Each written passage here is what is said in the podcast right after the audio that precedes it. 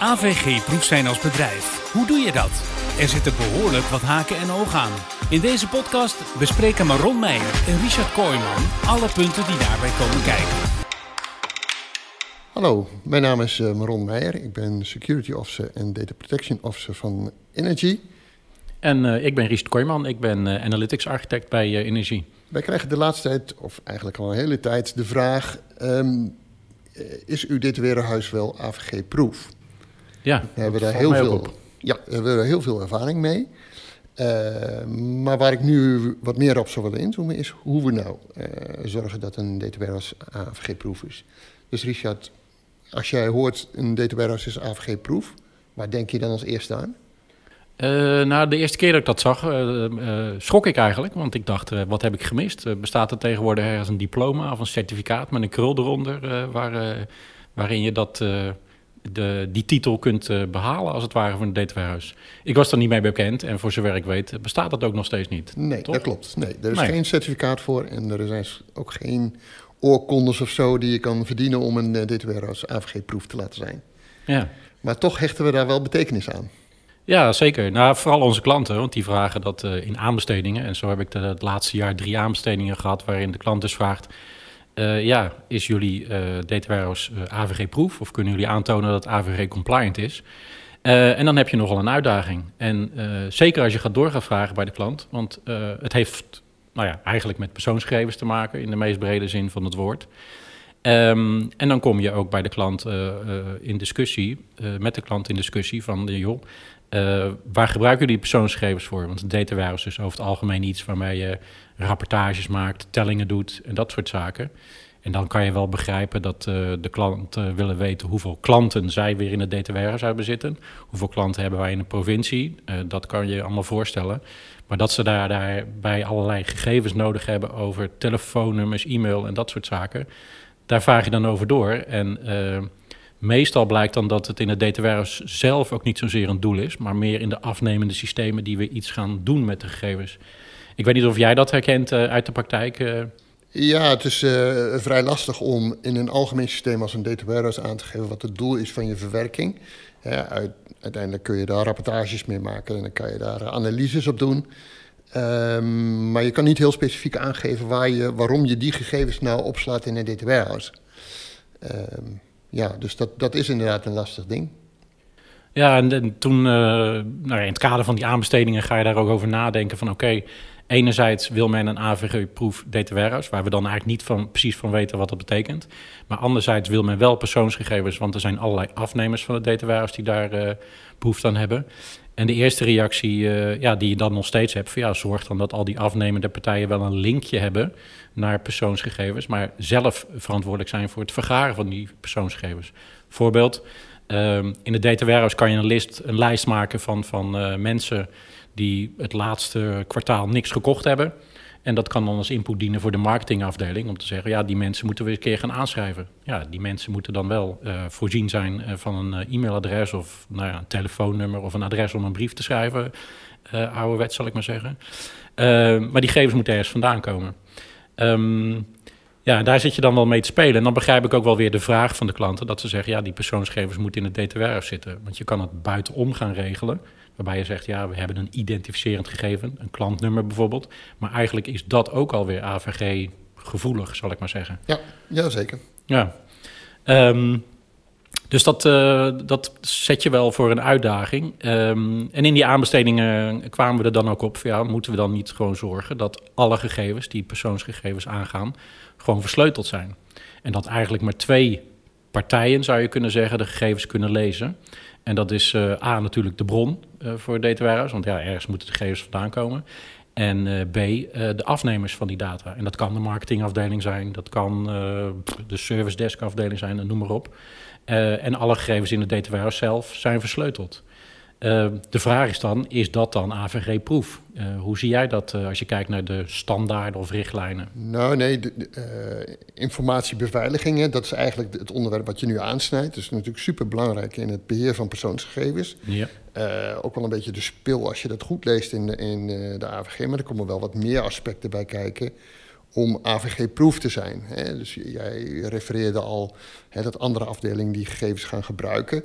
En uh, elke keer als dat gebeurt, moet ook die impact beoordeeld worden op het gebruik van die persoonsgegevens en of dat wel verantwoord is. Ja. En of die, ja, je, je, noemde de marketingafdeling, er moet natuurlijk ook uh, de gelegenheid zijn geweest voor die betrokkenen die je naar de marketingafdeling stuurt, om aan te geven of ze dat wel willen.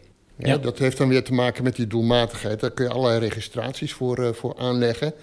En belangrijk is dat je bij wijzigingen gewoon goed kijkt van ja, wat is nou de impact op, op het gebruik van die persoonsgegevens. Um, er zijn ook nog wel wat andere aspecten uh, waar ik dan aan denk uh, als je AVG-proef moet zijn. Hè. Je moet een verwerkingsregister hebben. Nou ja, dat kan je uh, in de DTWR's heel mooi regelen met het landingsplatform. Je laat je data van het bronsysteem landen op een plek waar je een oormerkje zet wanneer je dat hebt geladen, wanneer je dat verwerkt hebt. Ja, dat kan prima dienen als basis voor je verwerkingsregisters. Daar kan je rapporten over maken wat je wil. Dus dat is wel voorzien in ons ontwerp. Uh, maar een ander aspect waar ik bijvoorbeeld aan denk is uh, bewaartermijnen. Hè. Persoonsgegevens die hebben een beperkte bewaartermijn. Uh, de klant is verantwoordelijk om daar goede regels voor, voor af te spreken. maar daar kunnen wij ze in ontzorgen. Hoe hebben wij dat geregeld? Hoe kunnen wij nou zorgen dat ze dat makkelijk kunnen doen? Ja, dus die, die bewaartermijnen, dat betekent eigenlijk dat je... Uh, nou ja, je kan sowieso al de, de, de klantgegevens oormerken ook weer. Met van joh, wanneer heb ik die gegevens gezien en mogen deze verder nog gebruikt worden? Uh, wat ik zelf niet goed weet, maar uh, daar kan jij misschien antwoord op geven, is dat op zich kan je die gegevens dan natuurlijk nog bewaren in het data warehouse. Uh, omdat je ergens moet aanvinken van van deze persoon uh, moeten de gegevens eigenlijk niet langer bewaard worden. Maar je hebt wel iets nodig dat als het weer binnenkomt, om te zien dat je niet weer opnieuw gaat bewaren, zal ik maar zeggen. Dus je zal iets moeten doen met die persoonsgegevens of identificatie om dat aan elkaar te kunnen knopen. Uh, is dat wel toegestaan, dat je dus zeg maar in de interne verwerking nog wel iets bewaart om nou ja, die aansluiting te kunnen maken? Nee, wet, wetmatig is het zo dat als jij uh, als betrokkene het recht op vergeten hebt uitgeoefend, dan uh, moet je dat beoordelen. Het kan zijn dat bepaalde gegevens nodig zijn in de onder, onderbouwing van de administratie van de organisatie. Uh, daar geldt weer een bewaartermijn van zeven jaar voor, dus die hoef je niet uh, gelijk te verwijderen. Maar als je beoordeeld hebt, ja, deze persoon mag vergeten worden, dan moet die ook echt vergeten worden. Ja. En dan moeten dus onomkeerbaar die gegevens verwijderd worden uit het DTW-huis.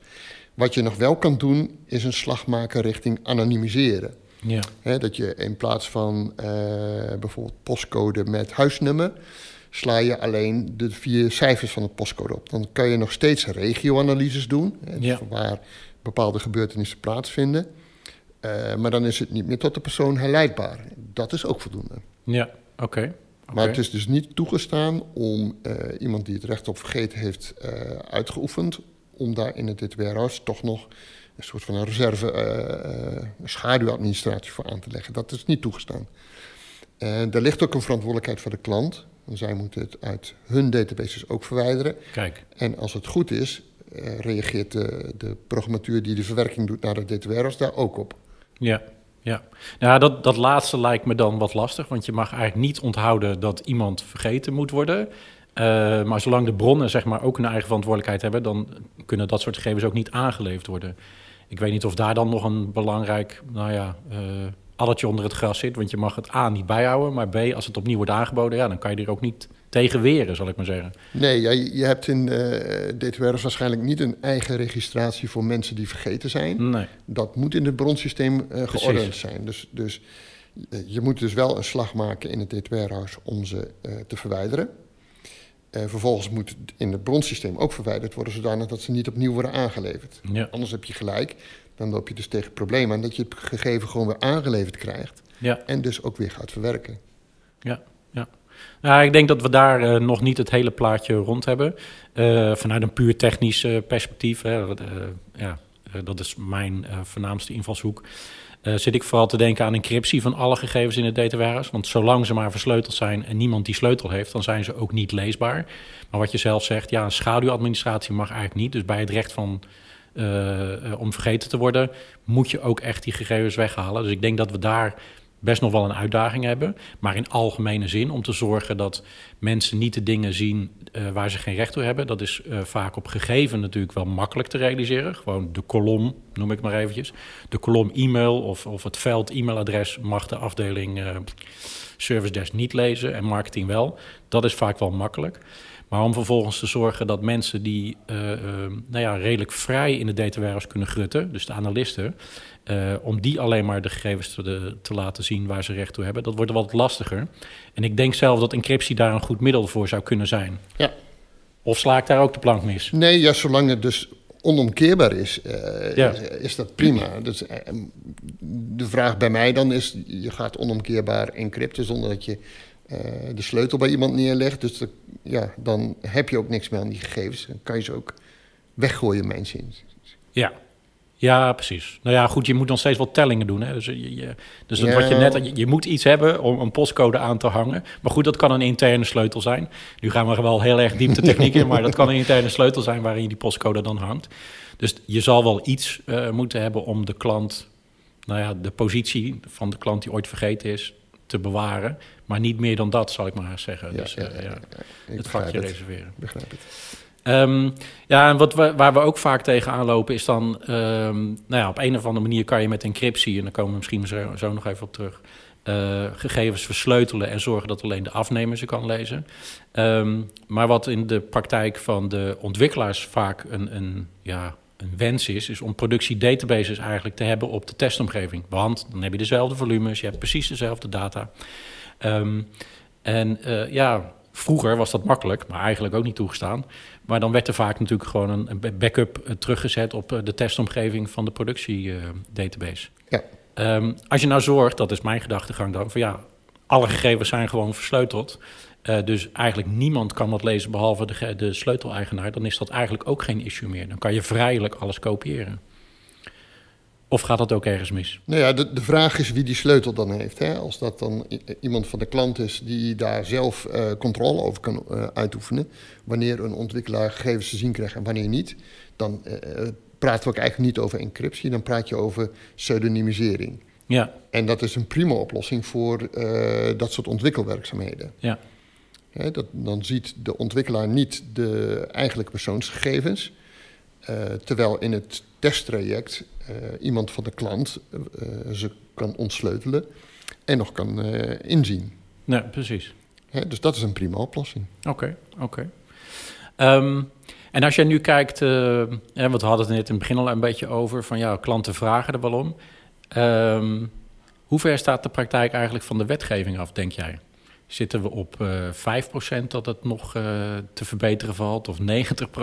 Ik heb zelf een vrij donker beeld daarvan. Maar... ja, ik, ik, ben niet uh, heel erg positief gestemd over hoe ver men nu is met toepassen van alle regelgeving en begrijpen waar de kneep zit. Maar je ziet wel dat de autoriteit persoonsgegevens, het controlerende lichaam dat de privacy moet bewaken uh, steeds meer jurisprudentie creëert van joh, je moet hierop letten. En ja. daar reageert de markt wel goed op. Ja. Dus uh, ja, de, de grootste noodzaak is denk ik wel afgedenkt bij de meeste bedrijven die zich ook druk maken over privacy. Uh, je hebt altijd bedrijven die zeggen van ik vind het minder belangrijk. ja, die komen natuurlijk veel sneller in de knel. Ja. Ja. Maar degenen die serieus met privacy omgaan, die hebben nu wel voldoende richtlijnen om te zeggen van ja, hier moeten we in ieder geval wel aan voldoen. Oké, okay, oké. Okay. Ja, dat, dat, dat strookt dus met wat ik wel zie. Dat ik denk van ja, uh, sommige klanten die krijgen de vraag uh, van hun klanten weer om vergeten te worden. En volgens mij uh, moeten ze dan echt als een, een dolle aan de gang om overal in alle systemen te gaan grutten. om ja. het voor elkaar te krijgen. Um, dus daar valt nog wel een, een aardige weg te bewandelen. En ook als ik naar de techniek kijk, valt het me wel op dat er weinig middelen zijn die hier echt rekening mee houden.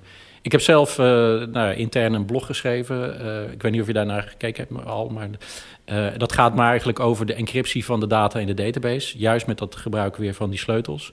En, en regelt dat als het ware op regelniveau. Dus iedere regel krijgt als het ware zijn eigen sleutel mee. Um, en degene die de data daarin heeft gezet, die heeft eigenlijk het geheim waarmee de data ook weer teruggehaald kan worden. Dus op die manier kan je zorgen dat, uh, zolang je op een technisch vlak maar zorgt dat de mensen niet direct bij de database kunnen. Want als je direct bij de database kan, dan kan je de sleutel lezen en kan je de gegevens die daarnaast staan ook weer ontcijferen. Uh, maar zolang je dus op infrastructuurgebied dat goed afschermt, dan kun je het zo realiseren dat meerdere partijen zelfs in, in één database één tabel kunnen schrijven. En ook vanuit die ene tabel hun eigen gegevens alleen maar weer kunnen zien. Dus um, als ik die tabel zou bequerien en jij hebt daar de helft van de data uh, ingeschreven, dan zie ik ook maar de helft, namelijk mijn helft die ik ooit heb ja, weggeschreven. Ja. Um, en het verbaasde mij vooral dat uh, ja, AVG is mei 2018 is verscherpt, zal ik maar zeggen.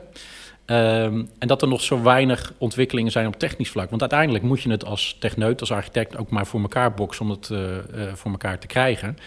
En ja, niemand is echt gebaat bij maatwerkoplossingen die je zelf weer helemaal door, ja, door moet testen. En ongetwijfeld maak je weer dezelfde fouten die anderen hebben gemaakt. Dus uh, daar is volgens mij ook nog wel een, een weg te winnen op technisch vlak. Uh. Zeker, hè? met name dan het recht om vergeten te worden. En je gaf het zelf al aan. Mensen zijn vaak ook niet helemaal bewust waar persoonsgegevens zich allemaal bevinden. Uh, want dat kan ook in een Word-bestandje staan. Dat kan ja. ook in een tekstbestandje staan of een Excel-sheet. Dat hoeft niet in een database te zijn. Um, en dat besef is nog onvoldoende. En op het moment dat je dan voor het eerst zo'n recht om vergeten te worden voorbij ziet komen, dan zie je ook dat met name dat soort zaken in kaart worden gebracht. Dat er gewoon meer aandacht komt van waar hebben we nou allemaal onze spullenboel staan. Uh, waardoor een volgend verzoek wel beter wordt afgehandeld. Ja. Maar ik ben helemaal met je eens. Op dit vlak zou uh, best nog wel wat meer hulpmiddelen beschikbaar mogen komen. Ja, ja. Om het in kaart te brengen. En ik heb in het begin wel eens gekeken naar van welke hulpmiddelen zijn er dan die uh, zeg maar in ieder geval in kaart brengen. Hè, die dus ook uh, kijken naar, naar Word-bestanden, Excel-bestanden, databases, et cetera, alles bij elkaar pakken. En dat zijn eigenlijk hele peperdure oplossingen. Ja. Uh, ik zou eigenlijk verwachten dat er nu een, een, marktsegment is die zich daar bezig is om in te ontwikkelen, om daar ook wat goedkopere en betere tools beschikbaar te krijgen. Oké, okay, oké. Okay. Ja, en ik denk ook, hè, wat, wat we in het begin zeiden van klanten vragen om een AVG-proef data warehouse of data platform, uh, wat algemener gesteld. Uh, en sommige dingen zijn ook makkelijk te realiseren, maar ook niet altijd vanaf het begin gedaan. Dus uh, er zijn ook wel eens klanten die zeggen: joh, maar het data warehouse of het dataplatform verzamelt allemaal gegevens. Dus daar kan ik wel in vinden waar, ik het, waar het vandaan komt.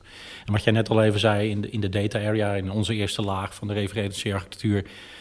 Uh, slaan wij wel op waar gegevens vandaan komen. Maar verder in het traject wordt het toch een, uh, ja, moet ik ook gewoon eerlijk bekennen, wordt het vaak een wat diffuser begrip. Want uh, je gaat een klant samenstellen uit meerdere bronnen.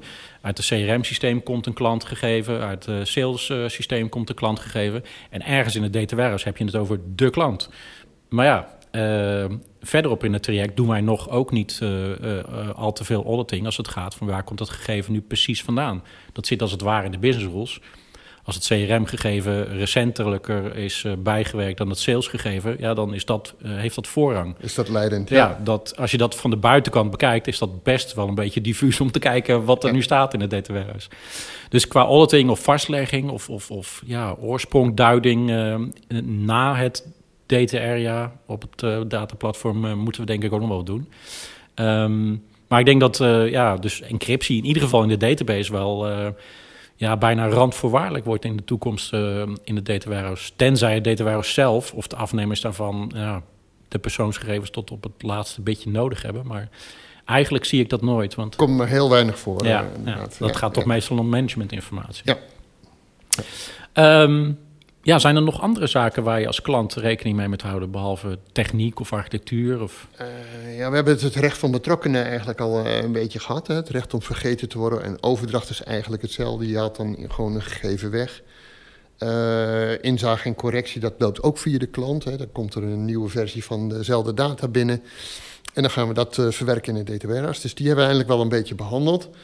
Um, wat nog verder goed geregeld moet zijn, uh, is in ieder geval de afspraken.